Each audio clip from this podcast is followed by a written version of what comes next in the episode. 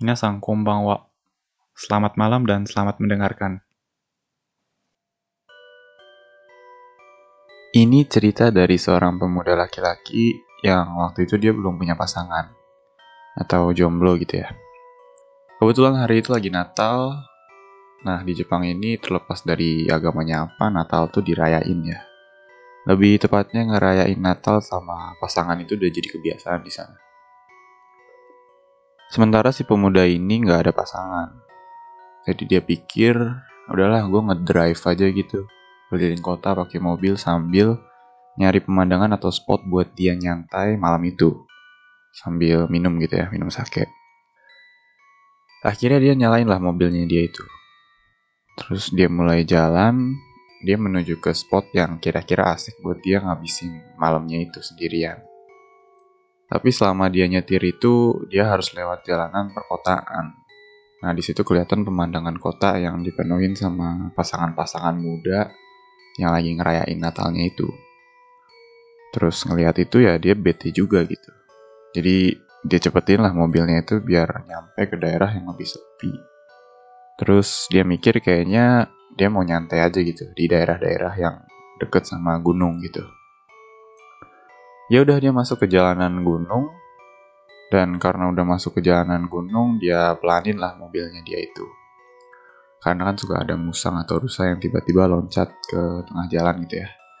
Jadi buat antisipasi dia bawa mobilnya pelan-pelan aja. Gak lama dia nemu semacam lahan parkir di jalanan gunungnya itu. Terus dia mau istirahat sebentar, dia parkirlah mobilnya dia di situ sambil ngerokok kali ya. Ngerokok bentar buat istirahat gitu.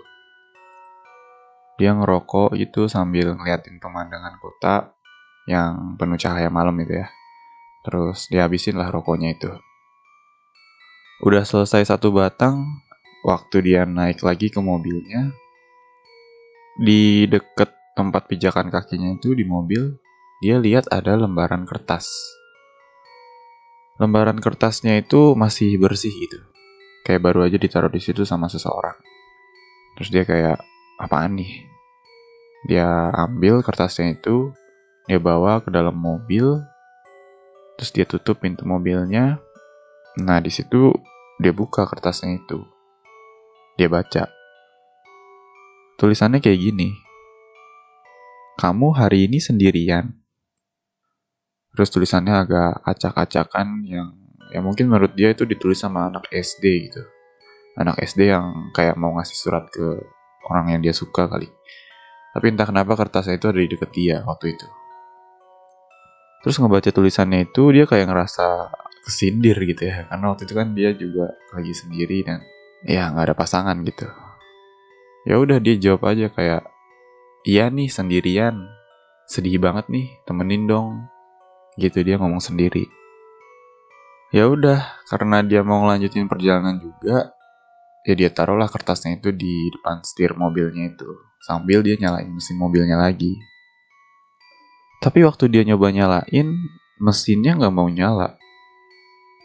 Lah, kenapa gitu?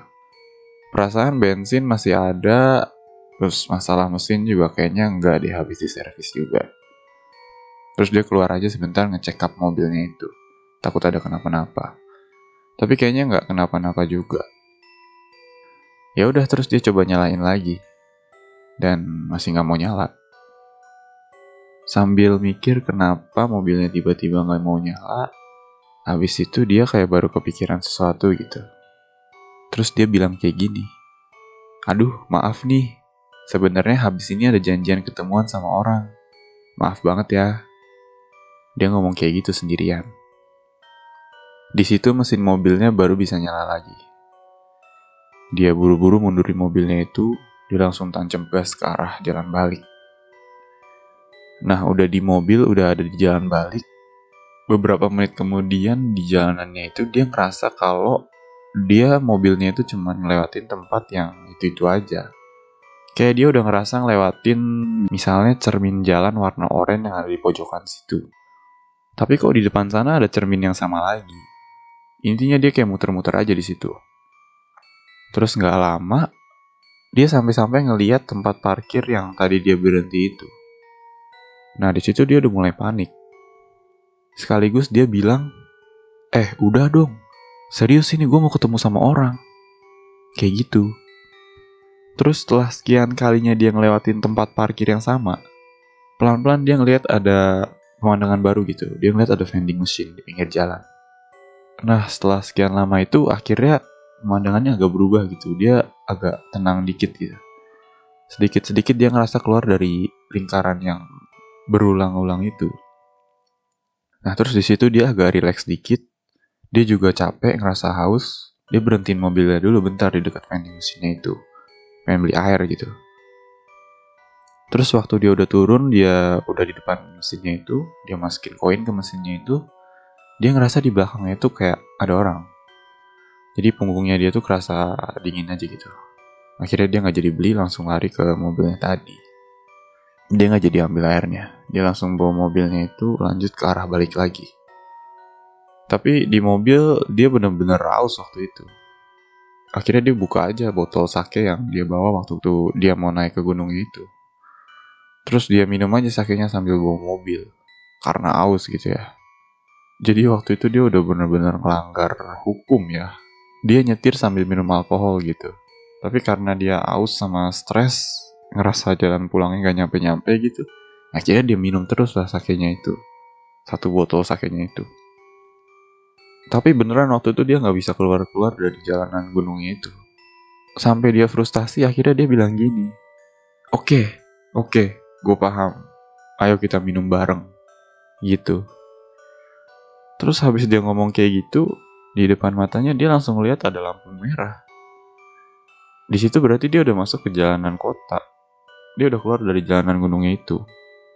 Kayak lampu merahnya itu dia terharu gitu dia ngerasa kalau itu arah jalan pulang terindah semasa hidupnya dia kali waktu itu. Nah, sampai akhirnya dia berhasil sampai ke rumah. Terus dia keluarlah dari mobilnya. Dia cek barang bawaannya dia. Sake yang tadinya ada dua botol, jadi tinggal satu. Dia ngecek lagi, nggak ada, emang tinggal satu. Yang satunya lagi nggak tahu ke mana. Tapi waktu itu dia kayak, ya udah dah, ambil dah, minum dah gitu yang penting dianya dibolehin pulang gitu waktu itu dia cuma bersyukur kalau dia udah bisa pulang nah semenjak kejadian itu dia kalau hari Natal pasti dia nyari teman-temannya yang sama-sama gak punya pasangan dia bahkan rela bayarin semua teman-temannya itu makanan minuman. Yang penting mereka mau Natalan sama dia itu. Udah gitu dia pasti dikatain kayak ya jomblo gitu-gitu amat. Mentang-mentang gak ada pasangan gak mau sendirian. Itu tapi dia mending dikatain kayak gitu daripada harus ngabisin malam bareng sesuatu yang nggak tahu itu apaan. Gitu pikirnya dia